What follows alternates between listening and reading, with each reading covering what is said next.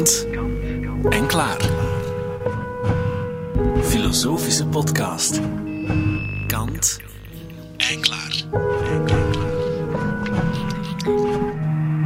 Met Greet van Tienen. Enkele rare vragen die we ons kunnen stellen. Is een chimpansee een persoon? Waarschijnlijk zullen velen daar bevestigend op antwoorden. Want een chimpansee stellen we ons voor als een wezen met een zekere vorm van bewustzijn, vatbaar voor geluk en pijn. En dan de volgende vraag. Is een kalkoen ook een persoon? Een levend wezen dat gevoelens heeft en pijn kan lijden. Dat is al wat moeilijker. Een kalkoen ziet er bovendien lang niet zo aantrekkelijk uit als een mensaap. En dan nog eentje. Wat als vissen konden schreeuwen? Zou dat een verschil maken voor ons die hen opeten? Voor de Australische filosoof en bioethicus Peter Singer zijn dat noodzakelijke vragen. Hij onderzoekt hoe we door rationeel handelen de beste gevolgen kunnen creëren voor zoveel mogelijk levende wezens. So I've been working out what that means uh, in terms of best consequences. Uh, best consequences for whom is obviously a big question, and I've argued that we ought to consider that uh, question uh, very broadly. We're to include not only uh, those close to us, um, family, friends, fellow uh, compatriots, but also all human beings, no matter how close or near they are to us. And not only human beings, but other sentient beings, other beings capable of feeling pleasure or pain, of having good lives or bad, ought also to be included in our assessment of what is making the world a better place or a worse place. Singer vraagt zich af wie er bij onze kring van betrokkenheid hoort. Onze naasten natuurlijk, maar ook onbekende ver weg en de dieren. Kortom, alle levende wezens. Dat wordt op de duur een oneindig uitdijende cirkel van verantwoordelijkheid, vermoed ik. Misschien ook wel wat onrustwekkend als idee. Pieter Singer is uiteraard vegetariër, want hoe zou je je lotgenoten kunnen slachten en opeten? En hij noemt zichzelf een flexibel veganist. De 70-jarige Singer is een ster aan het filosofische firmament. Hij ziet eruit als een zachtmoedige opa, maar dat is misleidend. Zijn beroemde en gecontesteerde eerste boek Dierenbevrijding kwam uit in 1975. En hij blijft boeken schrijven waarin hij verregaande ideeën verkondigt. Hij geeft les in Princeton en Australië en reist de wereld rond om lezingen te geven. Voor velen is Singer een soort guru. Hij is de voortrekker van bewegingen rond dierenrechten en effectief altruïsme of ethisch handelen in deze tijd. I think there are people who, who see me as a kind of guru, and I'm a bit uh, bemused by it, I guess you could say. Um, I'm not quite sure what to make of it. Uh, because I don't think really one should have gurus. I mean, if if the idea is that a guru is someone who you follow, um, and you know you just absorb their views from them, um, then that's not at all what I want to be. I want people to think for themselves. Um, I would rather see myself as somebody who um, sparks discussion and thought among people uh, about how to live, because I think that's been a neglected question in Western society in, uh, over the recent decades. Wat Singer al zijn hele leven bezighoudt, is deze vraag: wat moet ik doen? Het is een van die vier hoofdvragen uit de filosofie, volgens de 18e-eeuwse Duitse filosoof Immanuel Kant. Wat kan ik weten? Wat moet ik doen? Wat mag ik hopen? En als laatste vraag, wat is de mens? Elke filosoof in deze reeks krijgt één zo'n vraag voorgeschoteld. En voor Singer draait dus alles rond de vraag wat een ethisch leven is. Uh, when we ask what should I do, we're reflecting on our own life. Uh, we're perhaps examining our values, and we're asking both what those values should really be, and also um, to what extent we're living in accord with those values. So um, the most fundamental question, I suppose, is is what ultimate values one ought to have um, in terms of living. So I, I, do see it as a, a question we ask when, when you're looking for guidance, perhaps self guidance, uh, about how you're going to live the rest of your life.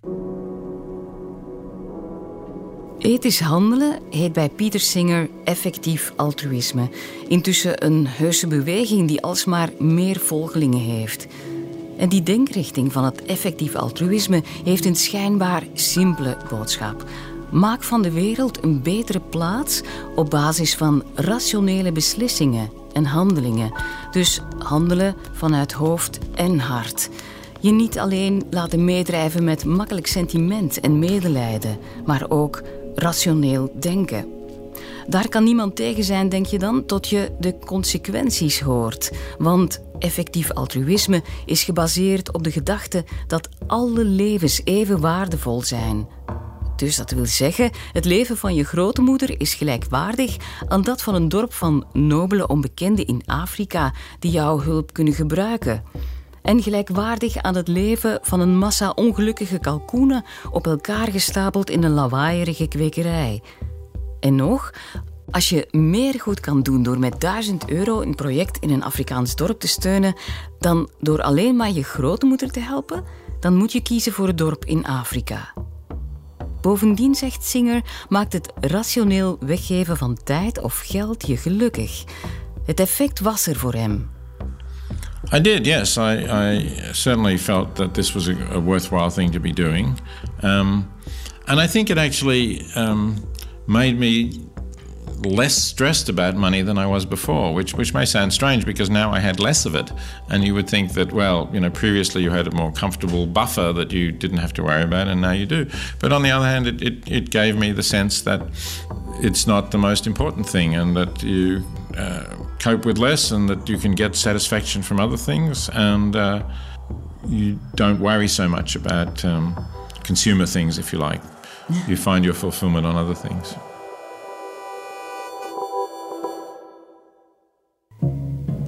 Pieter Singer geeft 40% van zijn inkomen weg aan hulporganisaties en wil dat liefst nog optrekken tot 50%. Maar engagement kan ook veel verder gaan. Singer geeft tijdens een lezing enkele extreme voorbeelden. Zo werd een briljant filosoof een goed verdienende zakenbankier, om zo nog meer geld te kunnen weggeven aan goede doelen. En Singers radicale idee inspireerde een student zelfs om een nier af te staan aan een vreemde. Die student staat daarin niet alleen. In Amerika bijvoorbeeld hebben in 2013 wel 174 mensen een nier geschonken aan een onbekende. Singer heeft er nog altijd twee. I know that because people have told me that these things change lives. That people will come up and say, "Oh, I heard you on the radio, and then I." went and looked at your book, and uh, since then I've started giving 10% of my income to um, this charity or that charity. Um, so, you know, that's terrific when that happens, and it makes it worthwhile to do the traveling. If I was just giving a talk and, uh, you know, people heard me and they went away and uh, they thought that was an interesting evening, but that was the end of it, it made no more impact, um, then I probably wouldn't do it. En ook een filosoof is maar een mens. Toen Singers moeder aan Alzheimer leed, heeft hij veel geld besteed aan een goede verzorging. Wat eigenlijk radicaal ingaat tegen zijn idee dat je altijd zoveel mogelijk wezens moet helpen. Het is misschien toch complexer dan ik dacht, zei hij daarover. Um, the changes that have occurred in not just not harming people, which is the principal focus of those rules, um, but also in positively helping people, uh, in, in helping people who may be distant from us, may be very different from us, but are also far worse off than us. Uh, and where now we have the capacity to help them that we did not before. Before we didn't even know that they existed or what their needs were. Now we have a world of instant communications, um, a global village, if you like. And so the ethics that used to apply within a village, I think we now need to extend and, and modify because of the fact that uh, we can communicate instantly anywhere in the world. We can uh, provide assistance to people in need very rapidly. Um, all of that, I think, is a reason for rethinking uh, traditional ethics, which um, is a process that many people have not really gone through.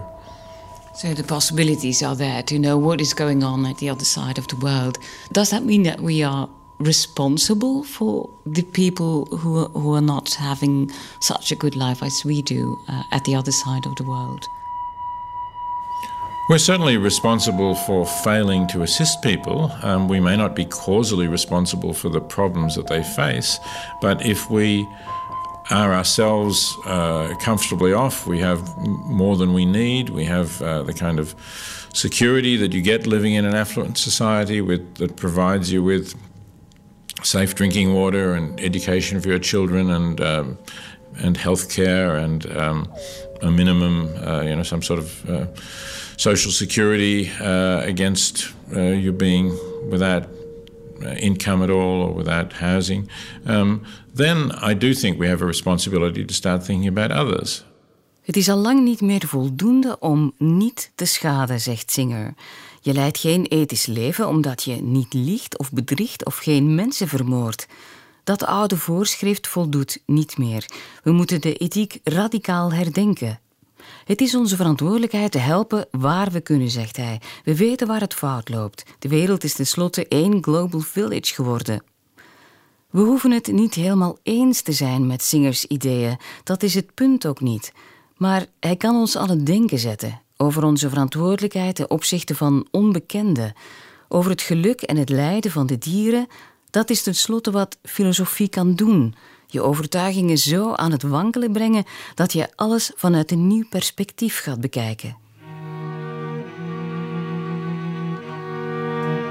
Filosofische ideeën groeien altijd vanuit het concrete leven. En bij Pieter Singer is dat niet anders. Integendeel zelfs.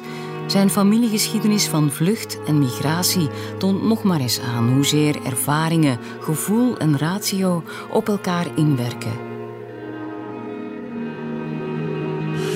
Uh, I was born in, in Melbourne, Australia. Um, my parents had come to Australia eight years before I was born, uh, fleeing from the Nazis. Uh, they were living in Vienna, they were Austrians.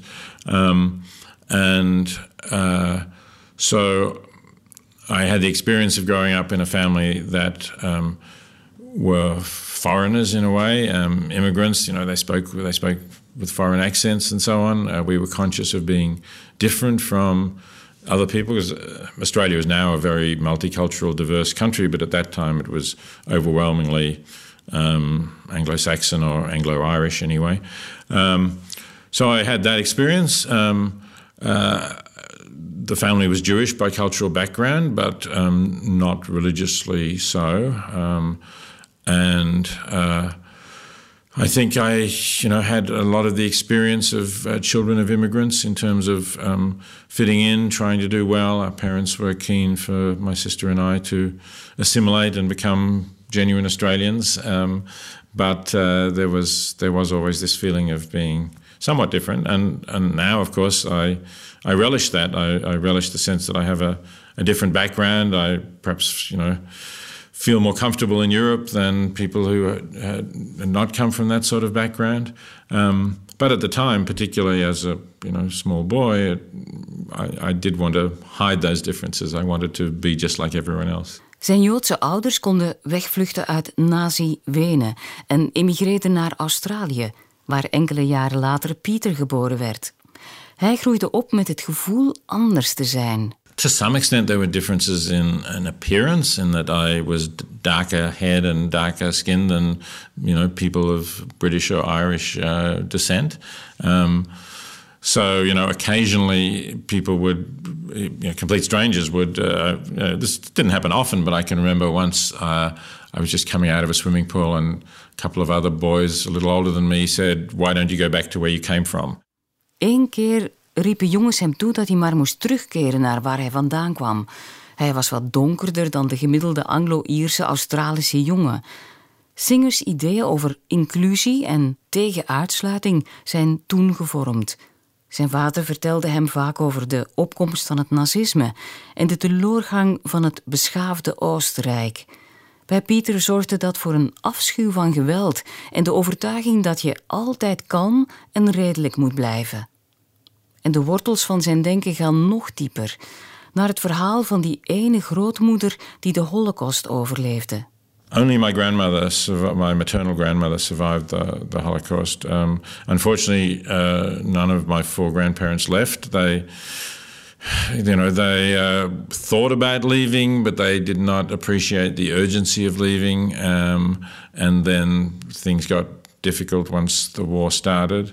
Um, so, you know, tragically, they, they did not get out in time. Um, and three of the four of them died in Nazi camps. As I say, my, my grandmother was in Theresienstadt, but was one of the lucky ones who survived. And she came out to Australia uh, about a year after the war ended. Do you, do you remember her well? Oh, yes, yes, mm. quite well, sure. Mm. What, what, kind of stories did, did she tell you? Um, I don't remember a lot of stories, I must admit. Um, you know, the things I, I remember were things like uh, I would be in the bath and she would be talking to me while I was in the bath, but I can't tell you exactly what she was talking about. And then she would uh, warm the towel before I got out, um, you know, warm it in front of a, a, radiator if it was cold, if it was winter, um, and wrap it around me, uh, those sorts of things. Um, she also, and uh, you know, my sister is older than me, so remembers it better. Um, she also helped us with our school homework, particularly in mathematics. She had actually, uh, she was a graduate of the University of Vienna in, in mathematics and physics. Oma Oppenheim was een getalenteerd wiskundige, met lof afgestudeerd aan de Universiteit van Wenen. Ze overleefde Theresienstadt. Ze hielp later in Australië de kleinkinderen met het huiswerk en Pieter heeft warme herinneringen aan haar. Haar man David Oppenheim kwam net als de ouders van Pieters vader om in nazi-kampen. Opa Oppenheim was een klassicus die nog heeft samengewerkt met Freud, omdat hij vond dat het interessant zou zijn om antieke mythes te bekijken via de psychoanalyse. Ook die grootvader-klassicus vroeg zich af wat een goed leven is. Because my grandfather was uh, involved in the classics and wrote essays about that, um, he was aware of the questions that uh, Greek thinkers were asking about uh, what is a good life, for example. Um, he, he, wrote an, an essay about uh, what is a, the Greek conception of what is a good life. And um, so, yeah, there are, there are common questions that we were interested in, not particularly common answers that we gave to them. Heel die geschiedenis van verlies en migratie stuurde Pieter Singer naar het denken over wat onze verantwoordelijkheid is tegenover vreemden. En naar zijn afschuw voor alles wat naar nationalisme en populisme zweemt. Singer noemt zichzelf een moreel optimist. So um, I'm certainly not going to uh, sort of propose a kind of morality which suggests that people shouldn't do things that they enjoy, that they shouldn't get pleasure. Um, I think they definitely should. Um, and I think it's fortunate that one of the things that many people do get uh, fulfillment and satisfaction and, and even pleasure from is helping others. That there's, there's good psychological research that shows that, that people who are generous are more satisfied with their life. Uh, that when people choose to do something for others, they actually end up enjoying their, their time more than when they are doing something only for themselves.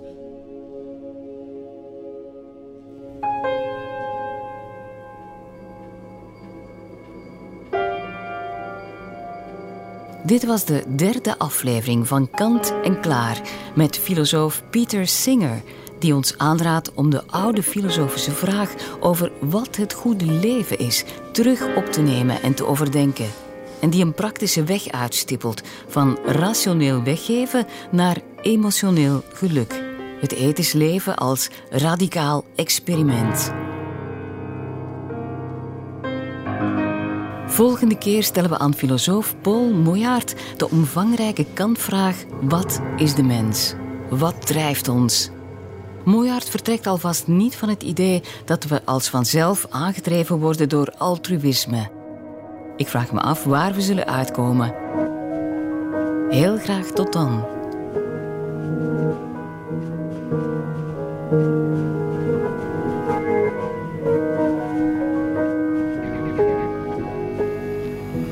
U luisterde naar Kant en Klaar. Een productie van Clara. Kant. en klaar.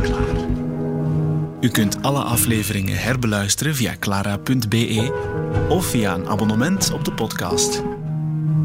Reageren kan via kant.clara.be.